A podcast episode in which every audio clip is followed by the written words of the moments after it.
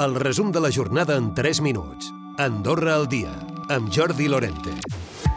L'afer del Futbol Club Andorra es complica una mica més. Eh, Aquest migdia de dissabte, el propietari del club, Gerard Piqué, ha anunciat que s'enduia l'equip per la negativa del govern a ampliar el conveni per la continuïtat del club a l'estadi nacional. A la tarda era la ministra d'Esports qui reaccionava, Mònica Bonell. jo crec que el govern ha de, ha de saber quines són les intencions del Futbol Club Andorra.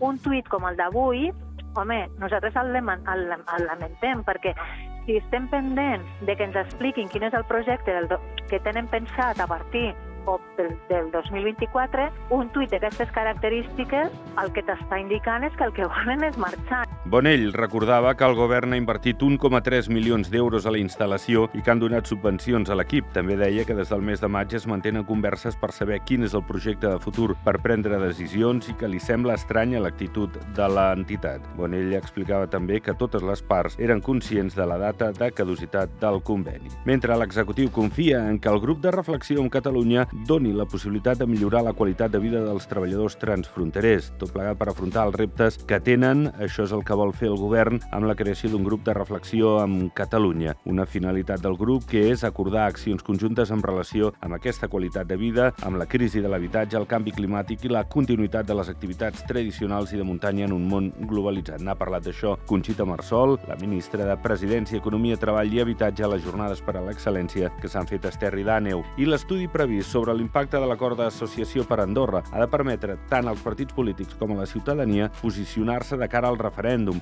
És un estudi que hauria d'estar enllestit l'abril del 2024 i que ha de ser doncs, el millor possible a l'hora de donar respostes a les preguntes que puguin tenir els ciutadans. Plantejar accions per combatre la sequera és el que els tècnics comunals experts en gestió d'aigua faran en una reunió programada per la setmana que ve. Si bé la situació al país no és dramàtica, en els darrers cinc anys la corba de precipitació ha disminuït. En aquest sentit, els comuns inicien una campanya de sensibilització. Rosa Gili, la cònsul major d'Escaldes. les temperatures molt altes al mes d'octubre, eh, la sequera bastant generalitzada fins i tot al nostre país, eh, que, que s'ha observat amb els boscos que estan molt secs, una situació que, bueno, que, que estem veient que cada cop és més preocupant.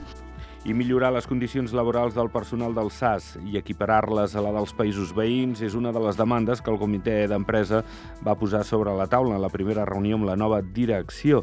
Això permetria ser més atractius a l'hora de contractar treballadors forans. També aposten per la equiparació amb altres treballadors públics del país. Els representants del comitè també van demanar igualar aquestes condicions laborals amb d'altres professionals del país, per exemple, que treballen en parapúbliques i també dels treballadors de comuns i del govern. Recupera el resum de la jornada cada dia a AndorraDifusió.d i a les plataformes de podcast.